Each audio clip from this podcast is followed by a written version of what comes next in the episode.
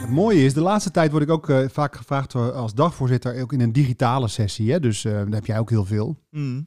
En dan zit je daar aan zo'n, eh, in zo'n Jinek setting, hè? zo heet dat dan. Hè? Want dan zit je met z'n allen aan een tafel, heb je gasten en af en toe ga je ook online dan met iemand eh, in gesprek die dan, Hybride. die dan eh, die belt. Ja, precies, hybride. Ehm, en wat ik gemerkt heb is dat je, als je je, je presentatie heel erg goed voorbereidt, of je, hè, je, je sessie heel erg goed voorbereidt, dus je vragen een beetje klaar hebt, dat het heel veel voorkomt dat het totaal anders loopt. Ja. Herken je dat? Jazeker, omdat je die, die vibe eh, die ontstaat, die kun je niet echt voorspellen van tevoren. Nee. Dus eh, je kunt een eh, topvraag hebben voorbereid. En als degene eh, bij die vraag neerlegt zegt, ja, denk ik ook. Ja, en dan ben je, Ja, moet je dan kun door. do- dan kun je door, Ja. ja. Dus dat, eh, het voorgesprek is niet nog veel belangrijker dan de voorbereiding zelf. Mhm.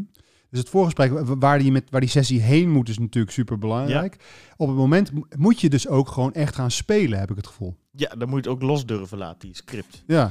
En wat, wat ik altijd doe in de voorbereiding is tijdens het voorgesprek ook niet precies laten weten aan diegene waarom ik dat voorgesprek doe. Ik zeg altijd gewoon ik wil je graag leren kennen.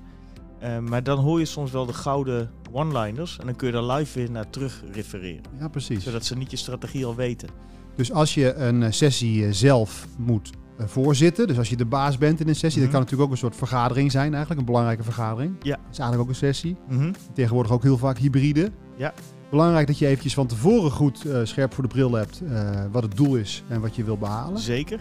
Misschien al eventjes een voorgesprekje hebt gehad met belangrijke figuren die daar, die daar ook zitten. Zeker en dan één, één aanvulling daarop, dat voorgesprekje. Echt kaderen in maximaal 10 minuten. Want het nadeel van als je te lang voorspreekt is dat de energie eruit gaat. Ja, En precies. dan heb je dat live gevoel niet. Dus je zegt gewoon ik, even 10 minuutjes.